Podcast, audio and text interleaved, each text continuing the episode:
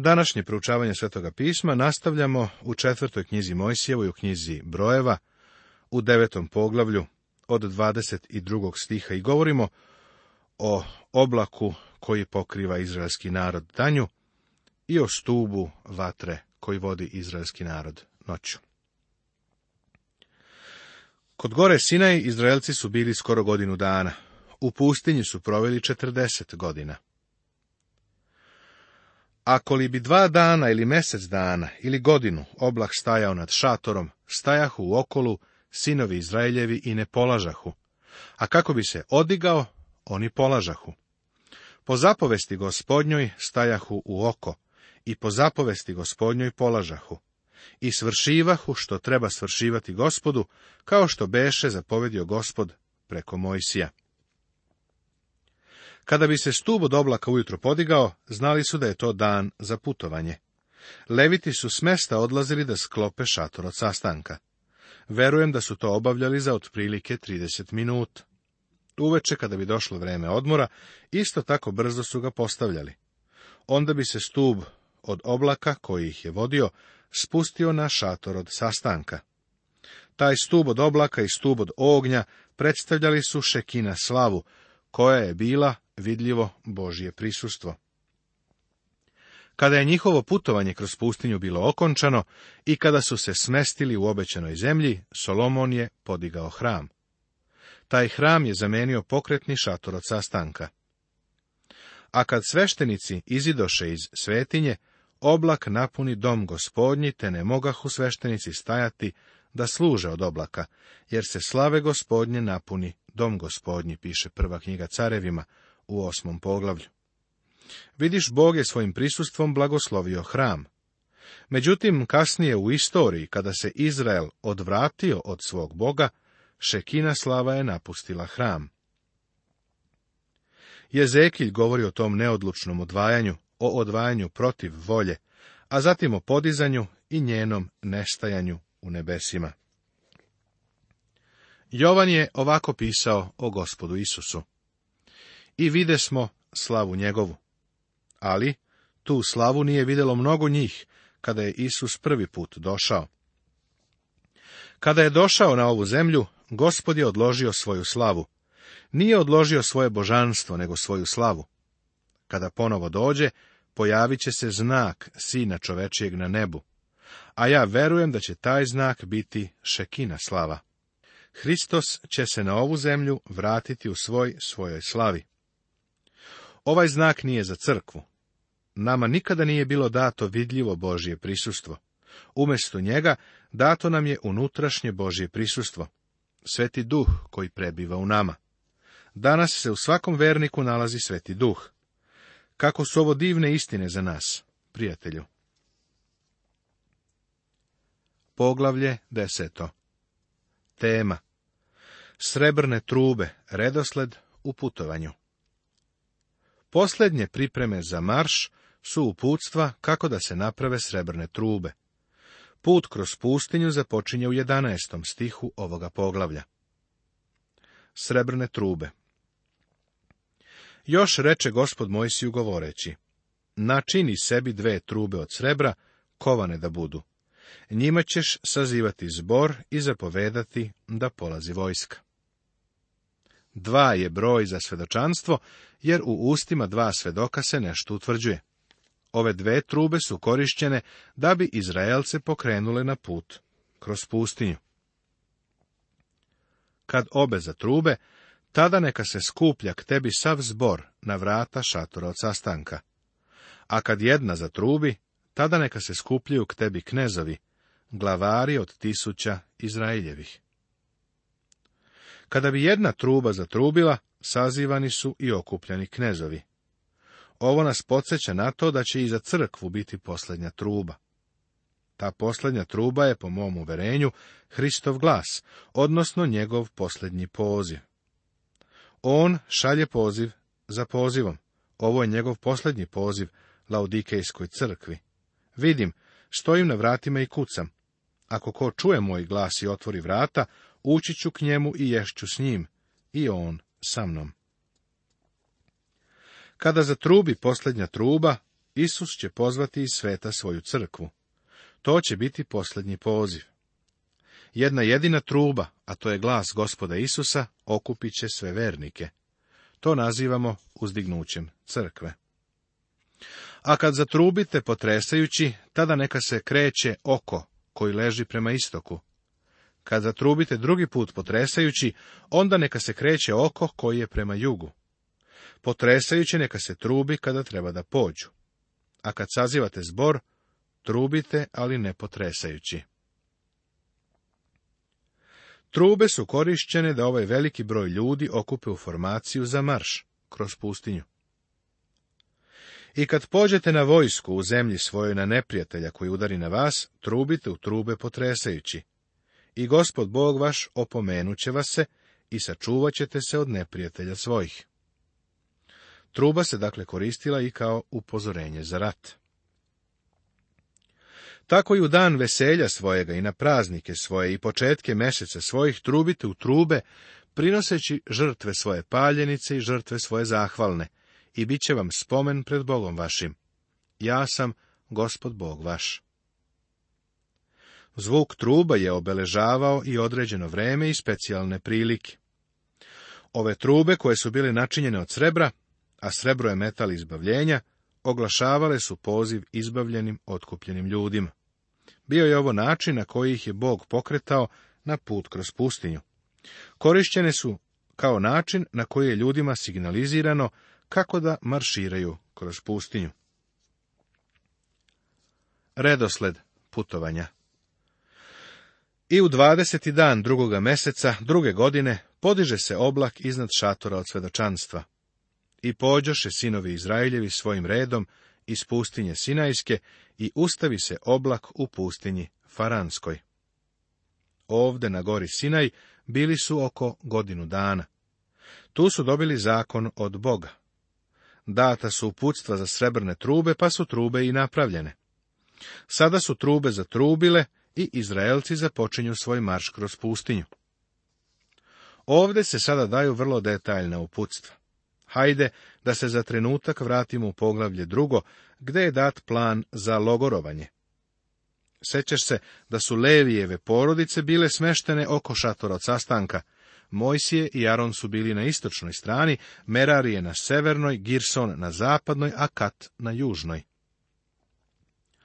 Onda je logor od 12 plemena bio izvan toga.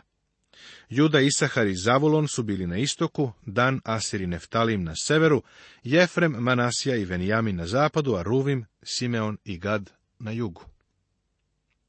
Rano ujutro Izraelci su podigli logor, jer se podizao stub od oblaka.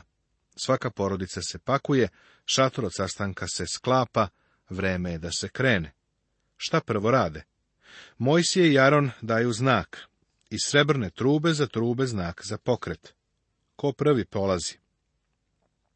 Katova porodica koja nosi kovčeg zaveta kreće napred. Kovčeg zaveta predvodi putovanje kroz pustinju. Hristos tako vodi crkvu kroz pustinju ovoga sveta. Kovčeg zaveta je slika Isusa Hrista. Tako, prva truba čini da Mojsije Aron i kovčeg zaveta kreću napred. Truba ponovo zatrubi i Juda se kreće sa istočne strane sa Isaharom i Zavulonom koji marširaju sa Judom pod njegovom zastavom. Nakon njih dolaze Girson i Merarije, noseći svoj deo šatora od sastanka. Imali su teže stvari kao što su daske, šipke i pokrivala. Zatim bi zatrubila truba i istupili bi Ruvim sa Simeunom i Gadom, marširajući pod Ruvimovom zastavom. Truba ponovo trubi i katovi sinovi kreću za njima. Oni nose sve stvari iz šatora od sastanka, izuzev kovčega, koji je ispred svih na čelu povorke. Sve ove stvari namešta iz šatora, opremljen je šipkama, pa ih katovi sinovi nose na ramenima. Truba ponovo za trubi, pa Jefrem kreće za Manasijom i Venjaminom pod njegovom zastavom. Na kraju dan polazi sa Asirom i Neftalimom pod Danovom zastavom. A na kraju je masa sveta, narod koji je delimično izraelski, a delimično egipatski. Oni nisu znali da li da krenu ili ostanu. Svako od njih je mešanac.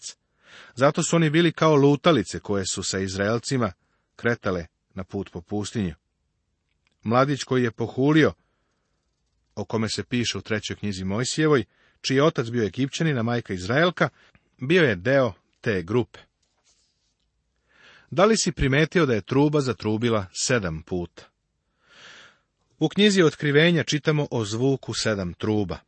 Tih sedam truba je povezano sa Izraelcima. U doba velike nevolje, zvuk ovih truba će pokrenuti Izraelce iz svih uglova zemlje i vratit će ih u njihovu zemlju. Tako mnogo ljudi se trudi da posljednju trubu koja se spominje u prvoj knjizi Korinčanima u 15. poglavlju poveže sa posljednjom trubom u knjizi Otkrivenja. A potom se izlači zaključak da će crkva proći kroz veliku nevolju. Međutim, posljednja truba koja se spominje u poslanici Korinčanima jeste glas Sina Božijega, što je detaljnije prikazano u prvoj knjizi Solunjanim u četvrtom poglavlju, gdje se kaže – jer će sam gospod na zapovest, na glas arhanđela i na trubu Božiju sići sa neba, te će mrtvi u Hristu vaskrsnuti prvo. Njegov glas je kao glas arhanđela i kao glas trube. To znamo, jer u otkrivenju u prvom poglavlju Jovan piše, u dan gospodnji zanek se i čuh za sobom snažni glas, kao zvuk trube. Koga je Jovan video kada se okrenuo da vidi komu govori? Video je proslavljenog Hrista, prvosveštenika. Njegov glas je kao glas trube. Njegov glas će podići mrtve i promeniti smrtna tela onih koji budu živeli kada dođu po svoju crkvu. Zvuk trube upućen crkvi je glas Sina Božjega. Trube su povezane sa Izraelcima. Truba ih je pokretala na marš po pustinji. Truba će ih iz pustinje ovoga sveta odvesti u obećanu zemlju. A Mojsije reče Jovavu, sinu Ragujlovu, Madijaninu, tastu svojemu. Idemo na mesto za koje reče gospod, vama ću ga dati. Hajde s nama i dobro ćemo ti učiniti, jer je gospod obećao Izraelju mnoga dobra. Ovde imamo zabeležen susret sa Mojsijevim tastom i pozivom koji mu je Mojsije uputio. Ovo se može primijeniti na crkvu. Mi smo stranci i putnici koji putuju po svetu danas. Ovdje smo u pustinji, ali smo na putu ka susretu sa gospodom Isusom Hristom. Naš poziv je isti kao poziv koji je uputio Mojsije, hajde sa nama. Ako nisi Božje dete, verom u Isusa Hrista, možeš nam se pridružiti. Divno nam je dok putujemo u prisustvo gospoda Isusa. Mi nismo grupa koja putuje, jer smo bolji od svih ostalih. Mi smo grešnici, spaseni blagodaću Božjom. Ako sebe vidiš kao grešnika i ako ti je potreban spasitelj, onda se jednostavnom verom okreni ka njemu i pouzdaj se u njega. Pridruži se maršu. Ovo nije protestni marš, nego marš spasenja, marš otkupljenja. To je marš koji ide na Sion, ne zemaljski nego nebeski Sion, u grad Jerusalim koji će sići od Boga, s neba, ukrašen kao mladoženja ženiku. A on mu reče, neću ići, nego idem u svoju zemlju i u rod svoj. Mojsije i dalje govori, a možda nije trebalo. Stari Jovav, Mojsijev tast, nije želeo da ide sa njima, hteo je da ide kući. Zato mu Mojsije odgovara. A Mojsije reče, nemoj nas ostaviti, jer znaš mesta u pustinji gdje bismo mogli stajati, pa nam budi vođi. Baš sada želim da ti kažem da ovdje ne razumem Mojsija. Bog je Mojsiju jasno rekao da će ih voditi stub od oblaka danju i stub od ognja noću, a i jedan i drugi govore o Hristu. On je vođe. Sada Mojsije svom tastu sugeriše da im je potreban da ih vodi. Ovaj starac je odrastao u Madijanskoj pustinji. Bio je Madijan i poznavao je tu oblast. Siguran sam da je mogao biti od velike pomoći. Ali vidiš, oni nisu smeli da zavise od običnih prirodnih stvari. Ovaj starac nije poznavao način na koji je Bog želeo da ih vodi. Nažalost, i crkva sluša glas eksperata, ljudi bez stvarnog duhovnog razumevanja. Kao rezultat toga, crkva ide pogrešnim stazama mnogo puta. Kakva samo odgovornost danas leži na crkvenim vođama i službenicima u crkvi? Da li si siguran da je Hristos glava tvoje crkve? Jesi li siguran da vas on vodi i upravlja? Ili moliš nekoga od ljudi da dođe i da ti pokaže put? Prijatelju Mojsije je ovdje napravio grešku. Usput da spomenem, mogao je da greši jer je bio grešnik. Zanimljivo je šta je napisao ovo, tako je zabeležio sobstvenu grešku. Plašim se da je neko od nas načinio ovakvu grešku, da to ne bi zapisao. I tako pođoše od gore gospodnje i iđahu tri dana i kovčeg zaveta gospodnjega iđaše pred njim tri dana, tražeći mesto gde bi počinuli. I oblak gospodnji beše nad njima svaki dan kad polažahu s mesta gde behu u okolu. Evo ih sada na njihovom putu. Bog ih vodi. Sam Bog istražuje zemlju. Nije bilo potrebe za Mojsijevim tastom da bi se zemlja istražila. I kad polažaše kovčeg, govoraše Mojsije, ustani gospode i neka se razaspnu neprijatelji tvoji i neka beže ispred tebe koji mrze na te. A kad se ustavljaše, govoraše, uvrati se gospode k mnoštvu tisuća Izraeljevih. Očigledno je da je Mojsije poštovao ovaj mali molitveni ritual svakog jutra i večeri, dok su putovali kroz pustinju. Poglavlje 11 tema. Narod se žali i gunđa, a to gospodu nije ugodno. Izraelci su sada otišli sa gore Sinaj. poglavlje 11. i 12. nam govore o njihovom maršu od Sinaja do Kadesa. Vidjet ćemo da kada su iskrsli problemi, narod je gunđao. Ovo je bilo veoma ozbiljno i za nas sadrži vrlo značajnu lekciju. Posle stade se tužiti narod da mu je teško, a to ne bi po volji gospodu, i kad gospod ču, razgnevi se. I raspali se na njih oganj gospodnji i sažeže krajnje u okolu. Svaki put kada se narod žalio, pojavila se slava gospodnja. Gospod je bio nezadovoljan njihovim stenjanjem i pritužbama. Možemo biti potpuno sigurni da gospodu ni danas nisu ugodni oni vernici koji kritikuju i žale se. Oni neprekidno traže grešku i kao da ništa ne može da ih zadovolji. Bog ne želi da ti budeš takav, prijatelju. Želi da budeš srećan, radostan hrišćanin. Tada zavapi narod k Mojsiju, a Mojsije se pomoli gospodu i ugasi se oganj. I prozva se ono mesto ta vera, jer se raspali na njih oganj gospodnji. Šta stoji iza svih ovih žalopojki? Ko su ljudi koji izazivaju probleme? Ovde možemo da ukažemo na njih, kao što i danas možemo da pokažemo ko su. A svetina što beše među njima, beše vrlo lakoma, te i sinovi Izraeljevi stadoše plakati govoreći, ko će nas nahraniti mesa? Ko je ovo započeo? Svetina. Setit se da ta svetina predstavlja one koji nisu bili sigurni kosu nisu mogli ustati i pridružiti se jednom plemenu. Nisu mogli da dokažu svoje poreklo. Nisu bili sigurni da li uopšte treba da idu na to putovanje preko pustinje. Bili su rezultat mešovitih brakova. Svako od njih je tamo u Egiptu imao jednog roditelja, a drugog u izraelskom logoru. Bili su dovoljno Egipćani da im se Egipat sviđa i dovoljno Izraelci da žele da krenu na put kroz pustinju. Naše današnje crkve su pune takvih ljudi. Oni žele da se pomešaju sa ljudima iz crkve i da dolaze u crkvu. Žele da budu moralni i da žive primjeran život, zato se priključuju crkvi. Zatim, u toku sedmice žive sa svetom. Oni su svetina. Nisu sasvim sigurni gde pripadaju.